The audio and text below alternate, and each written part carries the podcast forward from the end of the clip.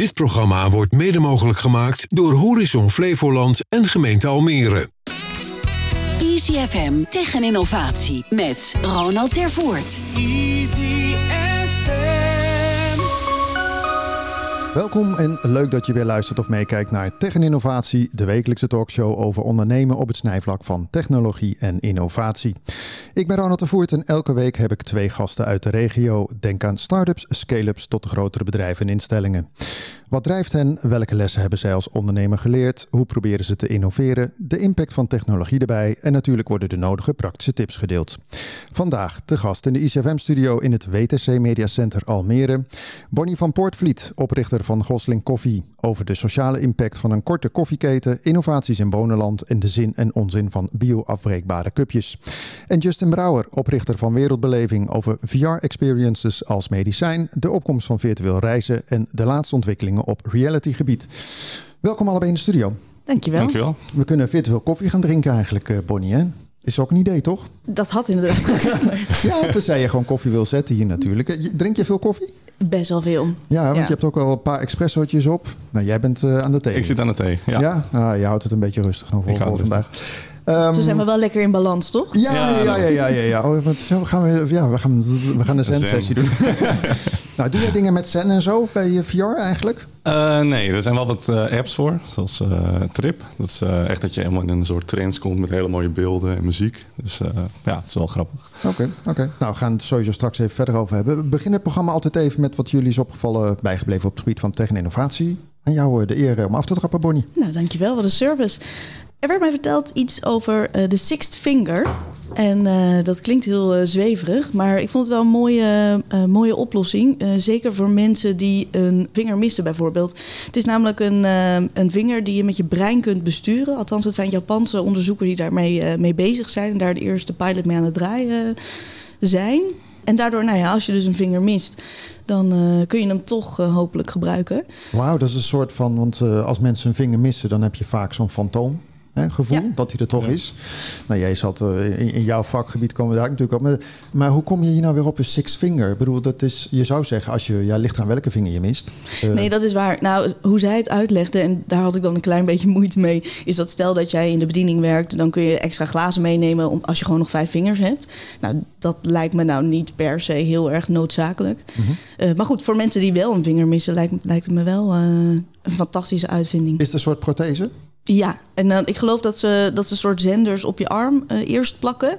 Want die kan dan uitlezen hoe jouw brein communiceert met eh, de vingers die wel nog werken. Of die je wel nog hebt. En dan kopieert hij dat volgens mij. Wauw. Ja, dat is sowieso. Hè. Als je, daar kan je ook natuurlijk even... Want jij zit vooral met mensen met beperkte mobiliteit. Hè? Maar als je soms wel eens in de, in de media leest... wat er allemaal kan qua je hersenen en dan aansturen... Klopt, ja. Ik, eh, Oh, je begint er helemaal te shinen. ja, ja, nee, ik heb met VR ook al meegemaakt dat je bijvoorbeeld eh, van die eh, virtuele handen hebt. Als je de bril op hebt, dat zijn niet jouw handen, maar eh, het zijn virtuele handen. Maar jouw lichaam reageert erop alsof het jouw handen zijn. Dus het is echt heel, eh, heel raar. Dat is ook die bekende goocheltruc, toch? Dat als je je, eh, je handen op tafel neerlegt en je doet er een doek tussen en iemand eh, Slaat erop, slaat ja. erop inderdaad. Ja, Ja, ja, ja, ja. Oh, wauw. Nou, dat Ja. kunnen we daar ook eens even uittesten. je had ook, nou, je had ook al in VR kunnen gaan zitten. Of is dat een hoop werk? Eh, nee, dat wordt steeds makkelijker inderdaad. Ja, Oké, ja, ja. oké. Alleen de brillen zijn nog een beetje duur volgens De mij. brillen zijn nog duur, maar... Eh, nou, we ja. gaan dadelijk even kijken hoe je dat allemaal doet. Wat is jou opgevallen, bijgebleven? Nou, er zijn eh, onderdelen uitgelekt van een eh, virtual reality bril van Apple. Er zijn wat foto's van gemaakt in China. En eh, ja, dat beleeft heel veel eh, goed, zeg maar. Ze hebben veel ervaring in eh, gebruiksvriendelijke apparatuur op de markt brengen. En ik denk dat eh, VR dat eh, best wel kan gebruiken. Ja, want het is een VR-bril of is het ook augmented reality eigenlijk? Het is volgens mij een mix, wat ik begrijp. Ze laten niks los. Maar ik denk dat het inderdaad een soort mix is. Dat, eh, dat sociale aspect vinden hun ook heel belangrijk. Dus het zal echt wel een soort IR-functie hebben. Maar ook een eh, VR-functie, dat je echt gesloten zit in een, eh, in een ruimte. Ja. En eh, qua, ja, dat je als je de bril opzet, dat die gewoon lekker zit en eh, comfortabel is. Ik denk dat daar Apple heel goed in is. Ik las ook in de media dat eh, eh, de, baas zelf bij Apple iets had eh, lanceren, dat ding dit jaar. Maar dat de designers iets hadden van, we zijn er nog niet klaar voor. Nee, dat is wel klopt. een Ja, beetje te vroeg, te vroeg. dat je denkt, ja, als je zo'n nieuwe categorie product gaat lanceren, moet het wel meteen in één keer een grote hit worden. Klopt, ja, ja het is een, een risico inderdaad. Maar ik, ik denk dat we het wel aan kunnen. En, het zal, de eerste versie koopt toch niemand. Dat zijn de early adapters, zoals ik. Maar, uh, oh, je gaat nog voor de Apple Store liggen dan? Uh, ja, misschien Is niet meer nodig tegenwoordig, hè, las ik van de week. Nee, Apple moet zelf al heel ja. veel aan de bak om mensen binnen te houden. Ja, ja, ja. Dus uh, met de concurrentie uit China. Alright, maar um, dus daar verheug je wel op. Ja, enorm. Ja, ja, ja. super interessant. En ja, ik denk dat het heel wat belooft voor de virtuele wereld. Oké. Okay. Om even te beginnen bij jou, Bonnie. Jij bent uh, oprichter en eigenaar van uh, Gosling Koffie. Een koffiebranderij, om het helemaal uh, plat te slaan. Mm -hmm. In Nederland heb je er volgens mij iets van 200 branderijen. Heb ik eventjes zitten uit uh, Wat onderscheidt jullie dan van de rest van de koffiebranders? Want dan denk ik, die markt is zo groot. Die is al verzadigd. Nou, ja. er zijn natuurlijk een hele hoop mensen die koffie drinken. Maar bij ons zit het verschil vooral aan het begin van de keten. Ik loop een tijdje mee in de koffieindustrie, een jaar of 11, 12. En ik zag daar toen ik ook als barista werkte en op een gegeven moment koffie ging branden en dat groene product ging inkopen, dat er gewoon geen of weinig transparantie is over nou, waar komt die koffie dan precies vandaan. Een regio is leuk, maar wie is nou die boer die het produceert? Maar vooral, wat heeft hij daarvoor gekregen en is dat genoeg? Nou goed, toen ging ik dus uh, op reis en uh, heb ik her en der met mijn brutale Nederlandse mond toch maar eens gevraagd: joh, wat hou jij nou over aan uh, die koffie die ik in Europa koop? Nou, dat is me toch af en toe uh, uh, zwaar bevallen. Uh, dat zijn ongemakkelijke gesprekken. Maar wel gedacht, daar wil ik iets aan doen. Dus daarom kopen wij rechtstreeks bij boeren in. Betalen ze daar fors meer voor dan de markt doet. En zijn we daar transparant over. Want als je dan gaat in, waar ga je dat inkopen dan? In welke regio's zit jij dan? wij zitten in Oost-Afrika en in Latijns-Amerika. En waarom, waarom specifiek daar? Is dat echt de koffie-epicentrum van de wereld? Nou, koffie groeit rondom de Evenaar. Dus in principe kun je op al die plekken koffie kopen. Ik probeer wel altijd op zoek te gaan naar de plekken die nog onontdekt zijn. Of die kampen met problematiek op wat voor gebied dan ook. Kan armoede zijn, maar kan ook politieke issues zijn. Wij zijn niet uh, een van de grootste koffiebranderijen van Nederland of van Europa. En we willen wel de impact maken.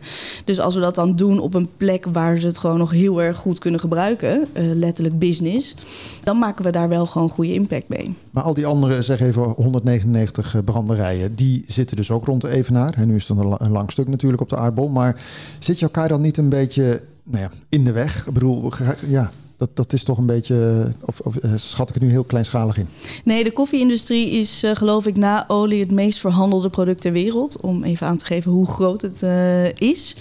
En het grote verschil is dat 9 van de 10 andere branderijen in Nederland het inkopen bij een handelaar en daardoor gewoon of de transparantie niet hebben, omdat zij dat niet bieden. Of gewoon simpelweg de, mandaat niet hebben of zeg maar de, de, invloed niet hebben op de bron. Dus misschien willen ze wel meer betalen of hè, zorgen dat daar meer achter blijft. Maar doordat daar nog allemaal mensen tussen zitten, zijn ze daar gewoon niet toe in staat. Oké, en is dan ook nog zo, want jullie hebben dan die stap helemaal tot aan de bron. Maar dan kan ik me ook voorstellen dat je, behalve dat je hem daar koopt, dat je dan zegt, joh, we hebben ook wel wat adviezen. Want jij loopt al, wat je al zegt, al, al lang mee in de koffiebranderij. Kan ik me ook voorstellen dat je zegt ja, misschien moeten we dit op die manier gaan doen. Of dat je misschien wel boeren moet uh, onderwijzen. Nou, of weten zij we, we moeten ze niet onderwijzen, denk ik. Ik denk dat zij heel graag onderwezen willen worden. De grootst gemaakte instinker, laat ik hem zo noemen, is dat wij vaak in het Westen denken voor, voor koffieboeren. Hè? Dus wij denken, nou, zij zijn echt gebaat bij dit of dat. Denk ik, nee, ga met ze in gesprek en uh, vraag het ze gewoon. Waar heb je behoefte aan? Wat is het? Nou, dan komt er vanzelf een, uh, een antwoord uit. En dan kun je kijken of jij in staat bent om ze daarbij te helpen, ja of nee. Maar ik denk dat het vooral aan deze kant van de keten, dus in Europa, begint bij samenwerken. He, uh, ga nou eens proberen om te kijken of je samen een container kunt vullen. Want nou, goed, ik weet hoe ontzettend moeilijk het is om het op deze manier te doen. Het is niet voor niets dat we een van de weinigen zijn. Terwijl er wel heel veel koffiebranderijen zijn die wel willen. Weet je, dus ga dan gewoon gezamenlijk kijken. Oké, hoeveel zak heb jij nodig? Heb jij er zoveel, zoveel, zoveel, zoveel nodig? Kunnen we een container vullen en kunnen we wel die impact maken? Dus zo werk je wel samen inderdaad. Dus degene die eigenlijk misschien niet bij de bron komt, zeg je... joh, weet je, die tussenhandelaar, vergeet hem, wij gaan samen die container doen. Ja. Hoeveel koffie gaat er in een container dan? Dat kan je die helemaal volstouwen tot in de nok. Die kun je helemaal volstouwen tot in oh, dat zijn een hoop koffies. ja, dan moet je toch echt aan de koffie. Ja, okay. Nee, maar er gaat in een 20 voet container bijna 20.000 kilo groene koffie. Zo. Dat ja, zijn een hoop kopjes ja. koffie als je ja. bedenkt dat je er ongeveer uh, 100 uit een kilo haalt. Ja. Maar hoe, hoe vaak ga je dat dan doen? Is het dan één keer in het kwartaal, één keer in het half jaar? Want uiteindelijk als je heel vaak heen en weer gaat uh, containeren... Mm -hmm. dan zit je qua ja, impact, zal ik maar zeggen... wordt dat een beetje minder op het milieu natuurlijk. Ja, Tenminste. nee, dus daarom ook uh, de reden... zeker in de periode dat wij nog zeg maar groeien naar volle containers... en als we er één hebben, dan spring je niet in één keer naar twee containers. Ga daarom inderdaad samen vullen. Uh, maar aan de andere kant heb je natuurlijk te maken met oogstijden. En over het algemeen kun je stellen dat er maar één keer per jaar oogst is bij een boer. En dat is dus ook het moment om te kopen. En welke periode van het jaar hebben we het over? Dat verschilt waar je op de, eh, op de wereld zit. Tuurlijk, dat is ook weer zo. Ja. Oké, hoeveel boeren heb je eh, geconnect nu?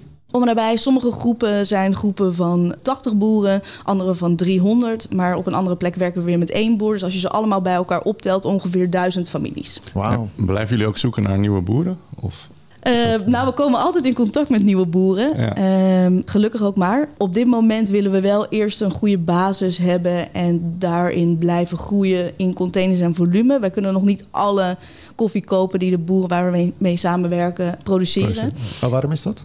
Omdat wij het ook af moeten zetten.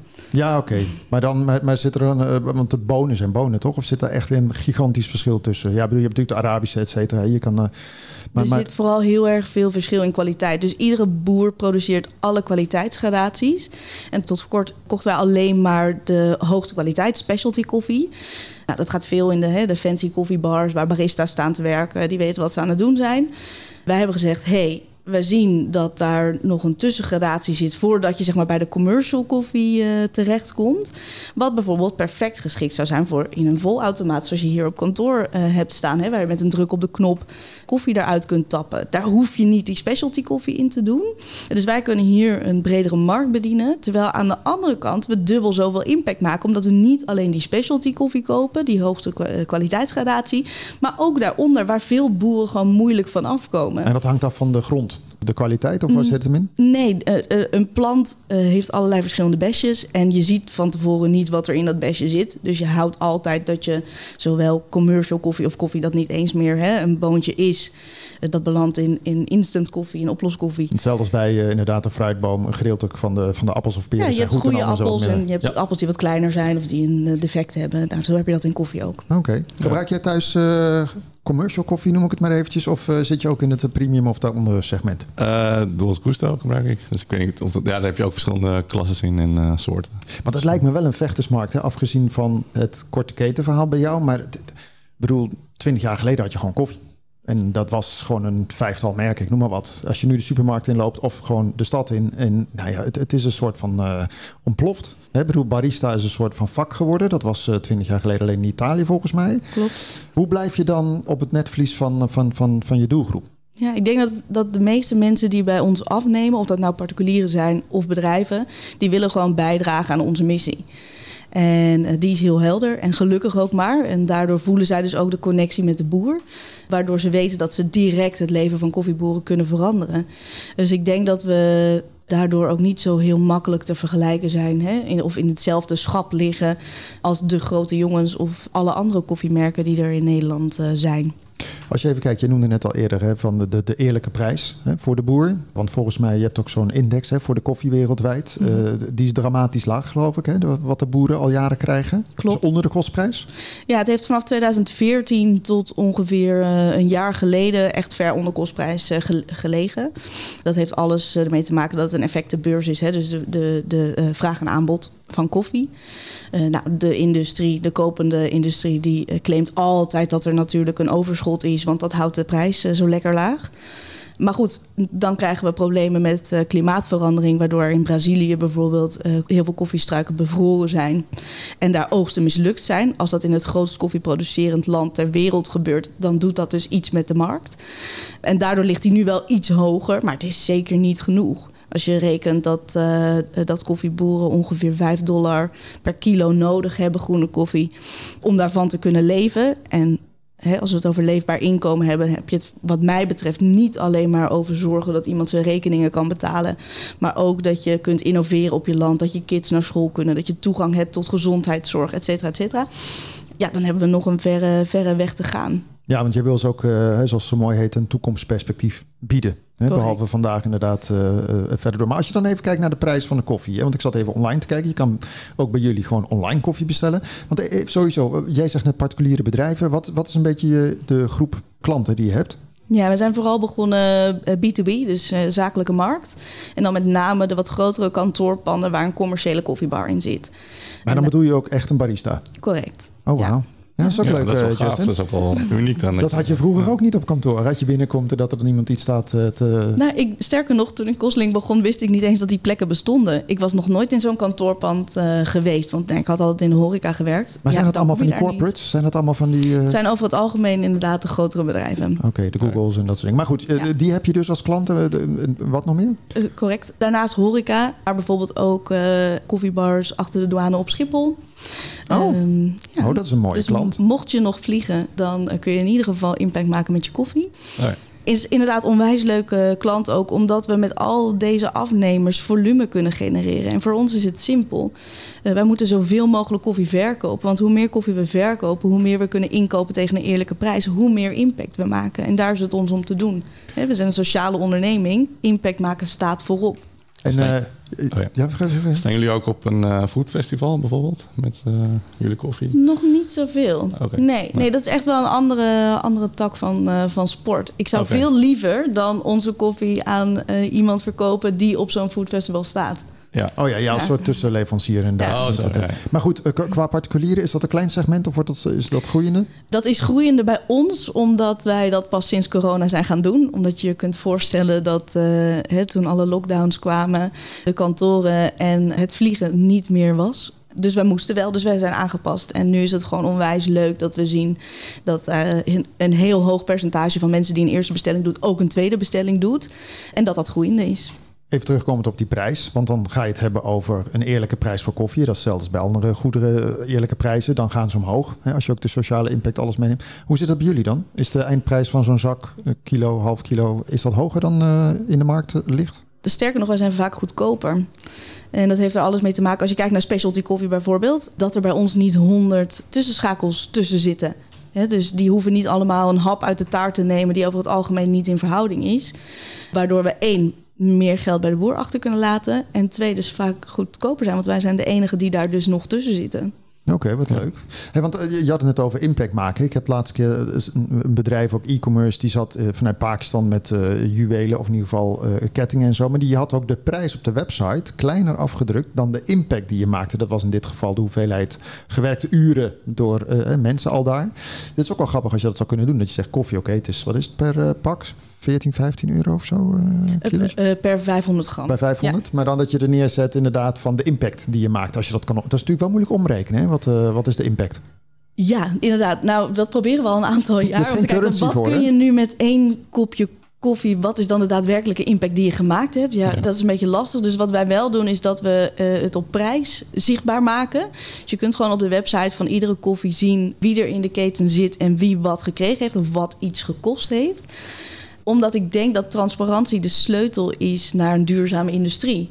En nu, inderdaad, je zegt al, het schap staat bomvol met allerlei verschillende koffiemerken die er een hele hoop claims op gooien dat ze onwijs duurzaam zijn. Ik bedoel, noem mij één koffiemerk die niet claimt duurzaam te zijn. Maar het is best wel lastig. Hè? Ik zeg altijd, er is een miljoenindustrie qua, qua reclame om je van merk A naar merk B te krijgen. Hè? Dus niks zo lastig lijkt mij om te switchen van een koffiemerk. Maar het kan wel. Eh, heb je dan ook als eh, aanbiedende partij dat je dan bijvoorbeeld samples... Of, eh, bedoel, hoe haal je mensen over de streep? Want ik kan me voorstellen, als ik het zou proberen, ik denk, oh, dit is eigenlijk wel lekker. Het is onwijs lekker. Ja, nee, maar, nee, maar je moet, nee, maar je moet wel die stap, ja natuurlijk, maar je moet die stap nemen, zal ik maar zeggen. hè. Ja. Dat is nogal een ding. Je moet het kopen, je moet het... Nou, ik denk dat de meeste mensen die al duurzaam en bewust leven, eh, dat op alle gebieden gaan doen. En dat je dus ook iets minder snel in de supermarkt al terechtkomt, omdat je je boodschappen hè, of rechtstreeks bij de boeren haalt of bij op een platform die dat aanbiedt. Nou ja, goed, dan is je interesse daarin al gewekt. En dan denk ik dat je relatief makkelijk bij ons uit. Maar eh, zit je ook, eh, lig je ook in, eh, in, in, in, de, hoe heet dat, in de andere winkels waar meer de duurzame spullen te koop zijn? Of heb Ja. je... Ja? Ja. Oké, dus als ook dus in de wat meer speciaalzaken, delicatessenwinkels, dat soort, eh, dat soort plekken. Oké, lijkt me ook wel handig als je gewoon in de stad ergens dat je dan koffie drinkt en dat je dan een lekker groot label op hangt, eh, Gosling koffie. Want vaak weet je toch niet welke koffie het is. Ja, er staat wel een parasol van een of ander merk. Maar nee, maar dat is toch zo? Ja, dat klopt. En ik denk dat de kracht ook wel is dat hè, de meeste koffiebars die onze koffie schenken, die verkopen ook de zakjes daarbij. En voor ons zijn zij onwijs belangrijk, want zij zijn de ambassadeurs van ons merk. Ik kan een x aantal mensen per dag uh, spreken. Nou, hopelijk luisteren hier enorm veel mensen naar, dus is dat ook een uh, kanaal. Uh, maar zij spreken een aantal honderd mensen op een dag die een kopje koffie komen, komen drinken. Dus als zij het verhaal over kunnen brengen en mensen bewuster kunnen maken, dan is dat voor ons van onwijs groot belang. Nu proberen we altijd hier natuurlijk hè, met partijen aan tafel te zitten uit de regio Almere. Nu zitten jullie gevestigd in Weesp. Oorspronkelijk was het meer in Amsterdam, of je komt zelf uit Amsterdam. Uh, waarom zit je niet in Almere en wel in Weesp eigenlijk dan? Want hier zit ook een hele grote doelgroep, gewoon 230.000 mensen. Ja, nou daarom schuif ik hier aan, toch? Ja, maar ga je verhuizen weer? Van, ga je van Weesp hier naartoe? Uh, nee, je bent net verhuisd volgens mij. We zijn inderdaad net verhuisd. Dus we zijn naar een grotere locatie gegaan waar we uh, gewoon uh, kunnen groeien. Uh, nog meer impact kunnen maken. Dus voorlopig zitten we daar uh, nog wel goed. En dat branden, dat doe je ook daar ter plekke? Ja, dat klopt. Okay. Ja, we hebben dus echt een koffiebranderij waar je, nou goed, uh, kom langs. Maar je doet alles onder één dak. En, uh, maar is dat dan ook een heel duurzaam pand en alles? Je moet natuurlijk wel ja. alle boxen aantikken, hè? Want anders dan, klopt, ja. Het is inderdaad uh, een duurzaam verbouwd pand. Het is een pand uit 1963, maar helemaal verbouwd op een manier dat het gecertificeerd is als een nieuwbouwpand. Oké. Okay. dus er liggen zonnepanelen op het dak. Het is helemaal geïsoleerd. De gevelstenen zijn er afgehaald, helemaal gerestaureerd en weer teruggeplaatst. Dus daar is allemaal over nagedacht. Oké. Okay. Als je even kijkt naar innovatie, hè, want uh, ja, koffie is zo oud als uh, de mensheid is, zullen we maar zeggen. Dan heb je het over branden, dat kan je op verschillende manieren doen. Maar is het nou, zijn er nog, nog andere dingen waarvan jij zegt van, oh ja, dat zijn wel innovaties waar, waar ik veel van verwacht? Of, of is dat gewoon, is, is dit hem? Gewoon de korte keten, dat is het innovatieve? Ik denk dat dat de toekomst is. Dus hè, hoe meer we dat gaan doen en hoe meer andere partijen dat ook gaan doen. Weet je, ik hoef niet het nieuwe ik zal het even niet, het beestje niet bij het naampje noemen, maar ik hoef niet het nieuwe roodmerk te worden. Mhm. Maar ik wil wel dat het roodmerk gaat veranderen. Dat zij op een andere manier hun inkoop gaan doen. Dus dat is mijn doel. Eh, wat ik wel vind en wat, wat ik moeilijk vind, is dat er heel veel van dit soort partijen zijn die claimen duurzaam te zijn. En dat is waarom ik zeg: oké, ga dan met de billen bloot.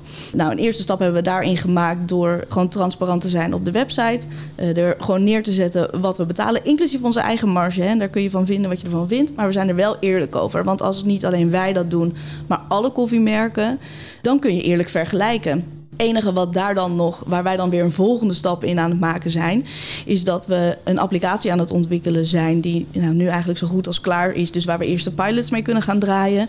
Waarbij vanaf het moment dat een, boer bessen inlevert bij het washing station, bij het eerste verwerkingsstation, dat dat uh, gelogd wordt. En dat je dat dus ook online kunt inzien. Dus de hoeveelheid, maar vooral ook de prijs. Een soort blockchain-idee dus. Ook weer transparantie bovenaan. Precies, een soort blockchain-idee, alleen dan niet geschreven op blockchain. Okay. En verder ben ik niet technisch genoeg om daar iets ja. uh, zinnigs over te maar zeggen. Maar goed, je wilt het gewoon transparant maken. Ja. Uh, even gelet op tijd. Denk, denk je niet dat als je heel succesvol wordt, dat vervolgens dan een rood merk of een ander merk denkt: uh, hartstikke leuk, Gosling Koffie. Wij zwabberen even met de portemonnee en we kopen het gewoon op. En succes ermee.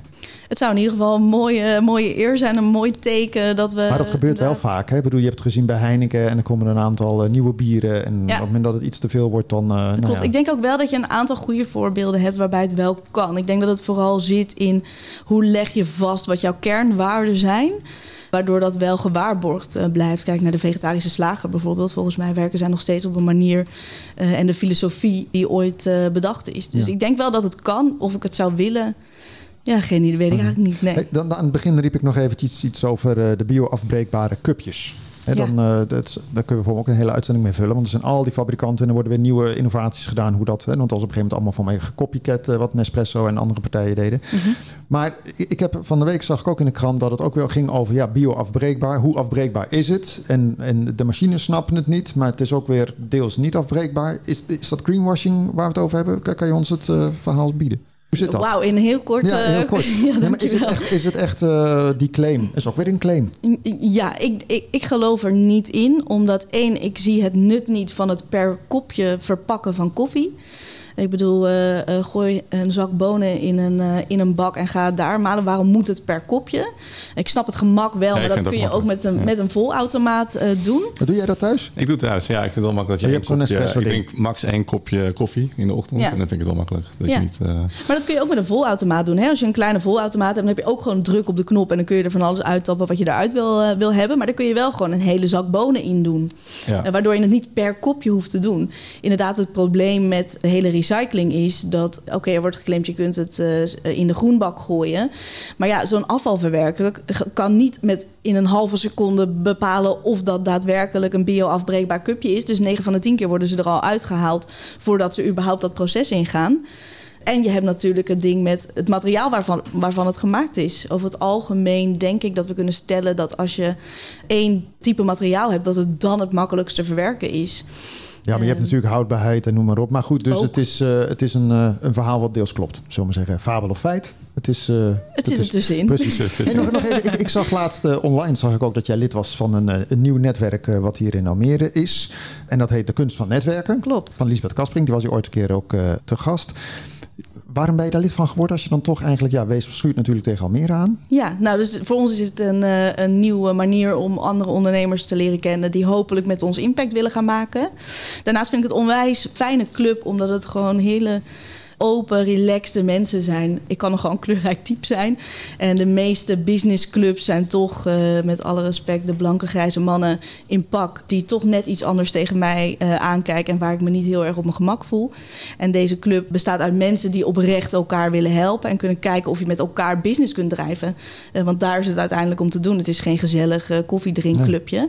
Dan hoop ik natuurlijk wel dat ze onze koffie drinken. Ja, nee, precies. Dat is weer natuurlijk onder. Nee, maar ik zag on- online ook echt dat er iets van anderhalfduizend volgers of zo bijna zijn. Dat ik dacht, zo, Zo. dat is in een paar maanden tijd. eh, ja, het is groeit goed. echt, eh, echt enorm hard. Dus dat is echt Leuk. tof om te zien. ja. Wat is het belangrijkste wat je geleerd hebt in de afgelopen jaren, wat je anders zou doen? Even een learning delen. Oeh, wauw. Eh, dat zijn er een hele hoop. Ehm, heb vertrouwen en eh, blijf koers varen. Eh, dus als jij gelooft in hetgeen dat je doet, blijf ervoor gaan en blijf kritisch.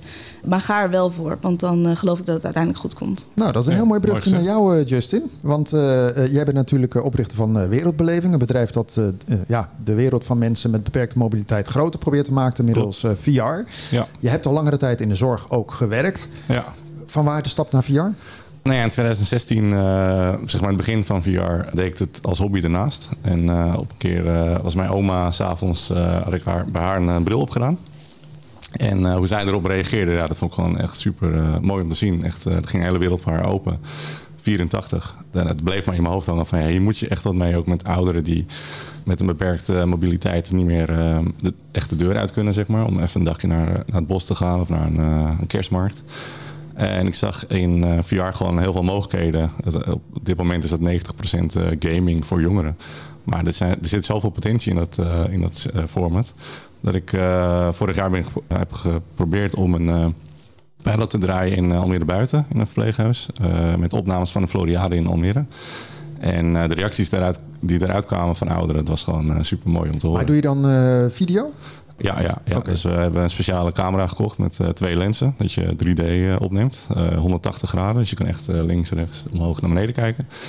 En het is ook driedimensionaal, dus je ziet echt eh, alsof iemand echt voor je staat. Nou, en die impact eh, bij ouderen is gewoon super eh, gaaf om te zien. eh, ja, die, die genieten echt van de bloemen, de planten. En eh, ook herinneren, herinneren zich weer aan dat zij eh, vroeger eh, ja, bijvoorbeeld een mooie tuin hadden met mooie bloemen. En, eh, Maar ze worden niet, wat je nog vaak, als, als je zo'n ding voor het eerst opzet, nou, dan is het inderdaad overweldigend. Heb je wel eens zo'n zo'n mooie VR-bril opgehad? Nee. Nee. waar niet? Nee, gek hè? Oh ja, dat, moet, dat zou je eens een keer moeten doen. Dat is wel, als dat goed nou, bij is. deze dan, eh, nodig ik mezelf gewoon Ja, uit. heel ja, goed. nee, eh, absoluut. Ja, nee, er zijn heel veel mensen die nog echt weinig ervaring hebben met VR. Maar, eh, ja, maar het- word je er niet eh, duizelig van? Zeg Ja, maar, vroeger als, wel, als- inderdaad, als- Zeker als ouderen. Ik bedoel, als ik tegenwoordig de, hè, de, de pretparken inga, een achtbaan, dan denk ik, nou, na twee ritjes geloof ik het wel. Ja. Maar dat was 25 jaar geleden anders. Dus als je in, in, in, de, in de bejaardenhoek valt, Ja, bij ons niet. Eigenlijk tot nul eh, mensen die misselijk zijn geworden of duizelig zijn geweest. Ik weet wel dat een paar jaar geleden had je die kartonnen brilletjes waar je je telefoon in schoof. En dan kon je ook heen en weer. Alleen de telefoon wist niet dat je naar links draaide. En als het beeld dan niet met jou meegaat, ja, dan word je misselijk.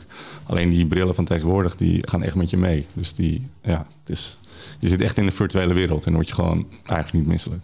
Hey, ik zei aan het begin ook even, hè, VR als uh, soort van medicijn. Want dat wordt wel gebruikt voor mij ook tijdens operaties en dat soort dingen. Hè, dat je meer wat afgeleid bent Afgeleid, uh, of in de, ja, in, in, de zorg. Jij hebt het dan over ouderen, meer thuiszorg noem ik het maar even. Maar ik zag ook op jouw website langskomen voor uh, verstandelijke handicaps. Toen dacht ik, wat, wat ga je daar dan mee doen? Nou ja, dat, zijn weer andere beelden of activiteiten. Je hebt ook bijvoorbeeld uh, fietsen in VR. Dat je gewoon een stoelfiets hebt, zeg maar, dat je in een stoel zit en je, en je fietst. Dus naarmate jij beweegt, ga je naar voren in uh, virtual reality. Ja, dan we waren dus bij een gehandicapte organisatie waar we dat hebben getest. En uh, daar, ook die mensen waren heel enthousiast en heel fanatiek aan het fietsen en om zich heen aan het kijken. En toen eindigde je in de koffiebar. Hè? En toen eindigde in de koffiebar. moet je, daar moet je ook in aanwezig zijn. In plaats van games, als heel duur, moet je bij hem gewoon erin zitten. Maar jij, maar jij filmt dus, of jullie, met hoeveel mensen doen jullie nu? Uh, we doen nu met z'n tweeën inderdaad. Uh, en ja, we het ook wel een beetje onderschat. Het is natuurlijk heel veel editingwerk en je werkt met twee beelden. Dus je moet die echt aan elkaar stitchen en... We hebben daar uh, ja, nu echt een handigheid in gevonden. Ook qua beelden. Het is met ouderen belangrijk dat je gewoon uh, rustige beelden laat zien. Ken het effect als je in een achtbaan zit en naar beneden gaat, dat je het in je, buik voelt. Wij gebruiken echt stilstaande 3D-beelden, zeg maar. En, uh, met een voice-over eronder. Oh, er ligt nog een toekomst voor je, Bonnie. Je kan er gewoon voice-over. Ja, kan ook. Ja, nee, maar je hebt een goede stem daarvoor voor mij. Maar, maar dat is wel belangrijk, de stem. Ja, de stem is belangrijk. eh, en de beelden is gewoon lekker rustig om je heen kijken. En dan naar de volgende shot. Een soort eh, dia-show, zeg maar. Dus echt Ja. eh, voor de doelgroep. Maar je, doet, maar je doet inderdaad video. Want je kan het ook bedenken van, je pakt gewoon een foto. Hè, daar kan je ook op inzoomen. Of kan je ook iets mee doen, een 3D-effect geven. Of is dat, dat is... Nee, dat is het niet. Nee, nee. Het Oh. 3D-effect en dat echt het om je heen kijken, dat is echt eh, alsof je er echt bij bent. En ik, je kent die camera's wel, die 360 graden eh, opnemen. Ja, met van die Eh, lensjes erin. Ja, maar dan is het alsof je een groot bioscoopscherm voor je neus hebt. En met 3D opnames, ja, dan heb je echt die diepte, die intense eh, idee van dat je er bent. en Alsof dat je staat. echt je hand op de tafel wil leggen of dat, dat paard wil aaien wat er niet is. Maar goed, dan ben je inderdaad, we hadden het net even over vingers die missen. Maar in VR is ook nog een probleem dat je je hand naar voren doet. En dan, of je moet een handschoen aan hebben, maar dan mis je in één keer je hand. Ik bedoel, dus als je dan als, als gebruiker bij jou iets wil doen, dan lijkt me dat ook weer een soort fantoomidee van hé, waar is mijn, ja, waar is mijn arm? Nee, dat, dat- ja, standaard zijn eigenlijk de controllers die je gebruikt. Eh, alleen, eh, we zijn nu al zover in de VR dat we handherkenning hebben. Dus je ziet je handen eigenlijk virtueel bewegen. Eh, Maar dan moet je wel zo'n ding om hebben. Om, je- Nee, om- nee, nee, hij herkent jouw handen. Er zitten camera's op de bril en die zien jouw handen. En die weten gewoon wat jij aantikt of wat jij oppakt en grijpt. Alleen je hebt niet die, eh, dat gevoel van, oh, ik, heb, ik voel echt iets tastbaars. Dat zeg haptische, maar. Nee, zeg en daar heb je dus echt die eh, haptische handschoenen voor nodig. Maar doe je dat ook? Want dat is wel eh, extra experience. Dat nog niet. Nee, ik zag wel op de CES in januari in Las Vegas gewoon heel veel innovatieve dingen. Over, met geuren ook bijvoorbeeld. Dat je in een bos loopt virtueel en dat je een, een, bosgeur krijgt. En op de Floriade vorig jaar waren ze ook met een VR-sessie bezig. Met een eh, luchtballon. Dat je echt de warmte in je nek voelt als je opstijgt. Met een, eh, een warmtelamp. Oh ja. Ja, en die extra zintuigen, die, eh, dat is gewoon super eh, belangrijk ook. Stel je nou voor dat, dat we gaan naar de, de, de koffieboer van Bonnie. Kan je niet een live verbinding doen of zo? Dat je zegt van we zetten zo'n unit neer op zo'n plantage. Lijkt me ook handig voor jouw relaties trouwens. Dat je dan gewoon die connectie nog weer... eh, doe, doe je daar dingen mee trouwens? Ga je, ga je met mensen daar naartoe? Ja, sowieso. En eh, we proberen, en dat is wel leuk om te zien, steeds meer online te doen ook. Eh, dus dat we video bellen. Maar goed, 9 van de 10 keer hebben we dan toch wel problemen met, eh, met verbinding. Ja, of je moet dan via de satelliet en zo natuurlijk. Maar, maar kan je een live verbinding doen? Stel je voor, iemand gaat trouwen. Ja. Makkelijker, dichtbij. Ja. Kan je dan gewoon ergens zo'n unit neerzetten en dan kan Ja, ja, dat, daar zijn we inderdaad. eh, ja, klopt. Daar zijn we mee, eh, mee bezig inderdaad. Dat, eh, dat kan. Dat je gewoon eh, live, virtueel eh, bij elkaar bent. maar dat En- kan ook door de pijpleiding van de digitale infra in Nederland. Dat, dat, dat, dat lukt ook allemaal. Nee, absoluut. Ja, ja, ja. Je hebt dan Horizon, dat is dan alleen in eh, Amerika nog eh, toegankelijk. Maar dat is gewoon een hele digitale wereld. Een soort eh Van Meta, van Facebook. Ja, van Meta van Facebook.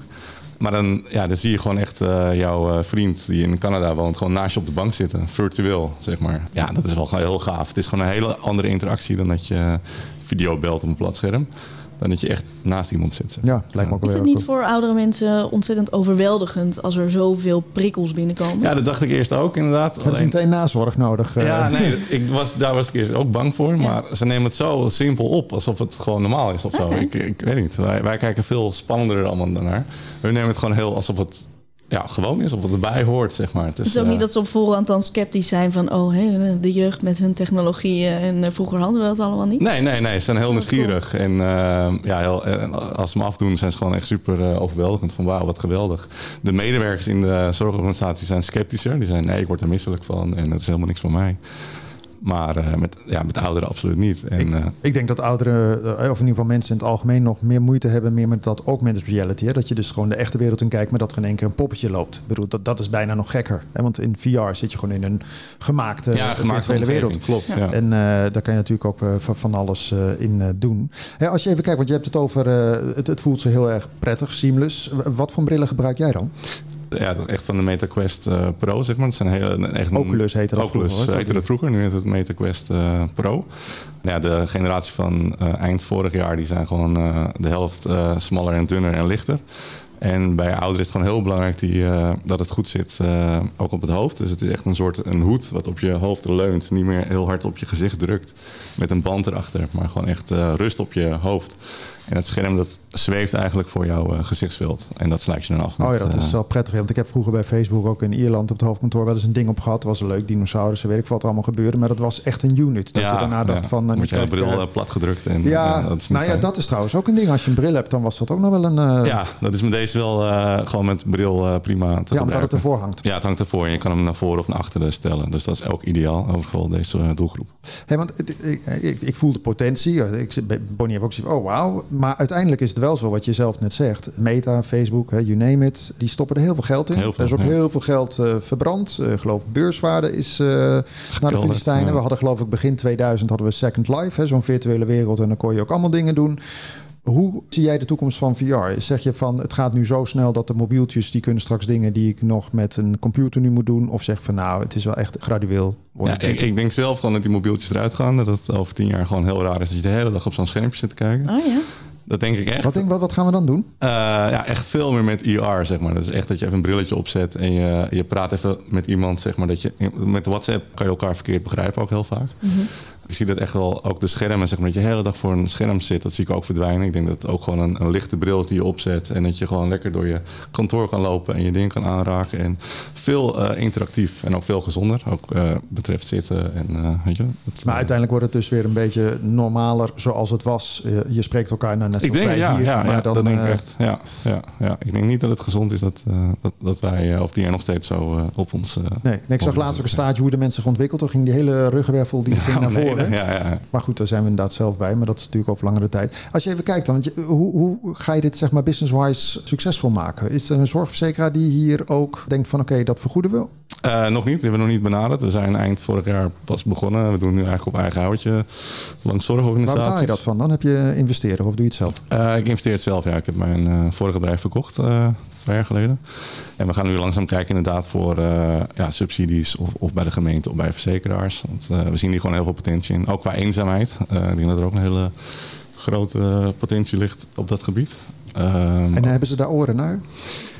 We hebben het nog niet geprobeerd. Dus ik heb volgende week dan toevallig een gesprek met de uh, gemeente in Almere. Dus ik okay. uh, ben heel benieuwd of uh, hun ook iets kunnen betekenen in dit. Dus, ja. Zou jij het in jouw familie, zie jij dit ook gebeuren, zal ik maar zeggen, bij je ouders of misschien opa? Nou, ik, ik, zit er eigenlijk wel om te springen. Want mijn, mijn omaatje woont in Zeeland, waar ik, waar ik ooit vandaan oh, kwam. Ja.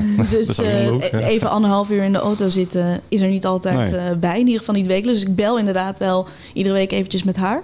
Maar het zou onwijs leuk zijn om elkaar dan ook te kunnen zien. Ja, zijn we in Nederland uh, een beetje vooroplopend? Of zeg je nou, het is, het is, echt allemaal meta, Facebook? Want dat is, ja, dat is ongeveer een soort van atoombom uh, op dit gebied volgens mij. Die zuigt alles op.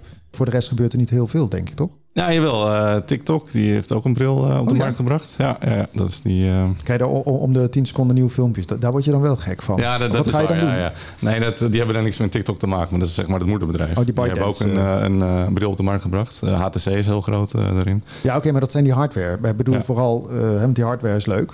Dat heb je inderdaad. Sony zal het ook vast doen. Maar vervolgens moet je die content hebben. Ja, En daar zit het hem in. Kijk, jij maakt hem nog zelf. Maar Ja. ja, dat is nogal een investering over het algemeen. Hè. Gaming is eh, even daar gelaten. ja.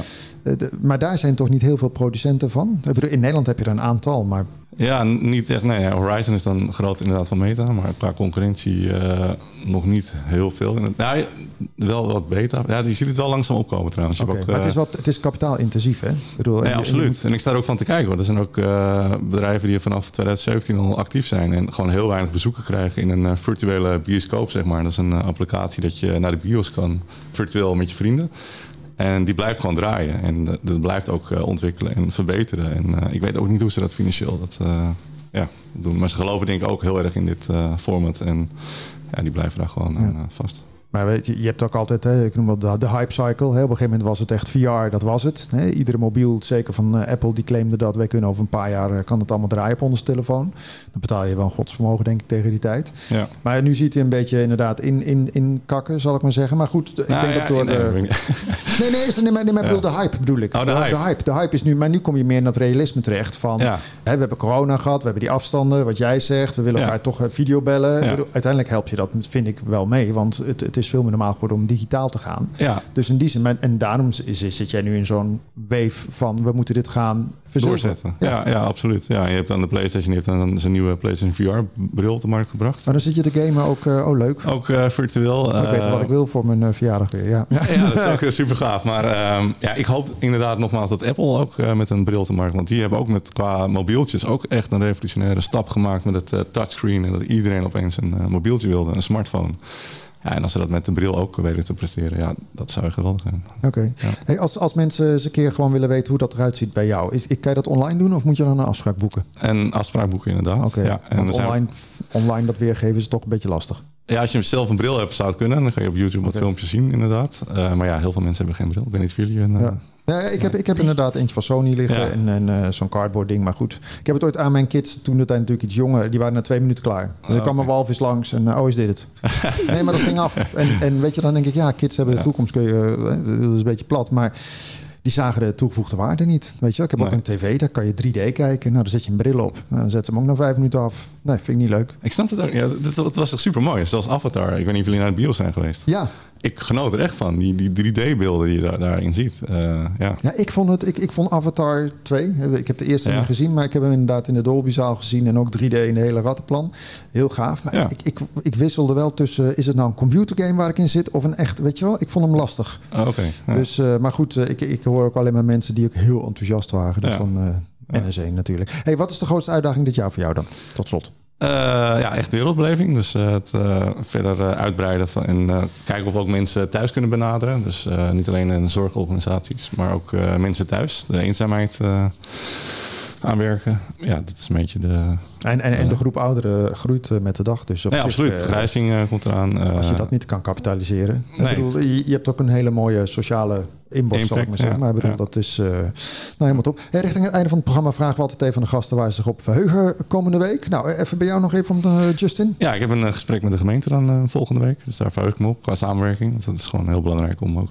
En willen ze dan al iets doen met zorg of met eenzaamheid? Of is dat nog onduidelijk? Ik denk inderdaad eenzaamheid. Ja, dat is gewoon een heel groot probleem ook in Nederland. Dus ik hoop dat we daar wat met elkaar in kunnen betekenen.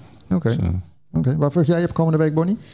Uh, ik hoop uh, in het begin van de week al een telefoontje te krijgen dat er een grote klapper is gevallen bij ons. Waardoor we gewoon in één klap een halve container uh, bij kunnen bestellen. Dus dat, dat is voor onze impact behoorlijk groot. Ja, ja super. Okay, maar kan je een halve container bestellen of moet je altijd helemaal vol? Nee, idealiter gaat hij helemaal vol. Maar uh, in dit geval is de grootte van de deal zo groot dat het een oh, halve container is. Ja. Oh, cool. Ja. Oh, leuk. Nou, heel veel succes daarmee sowieso. Want het lijkt me ook, weet je, ondanks uh, allerlei goede initiatieven... is het altijd toch nog even boksen tegen de, uh, de gevestigde partijen in de wereld. En de mindset van de mensen natuurlijk. Die, uh, ja, en die mindset dat gaat al inderdaad redelijk, uh, redelijk goed. En uh, de grote partijen houden ons ook wel in de gaten. Dus en ik hoop dat het zaadje bij hen langzaam begint te ontkiemen. zodat zij ook stappen gaan zetten. Ja. Hartelijk dank, Bonnie van Poortvliet, oprichter van Goslin Koffie. Wat betekent Goslin eigenlijk?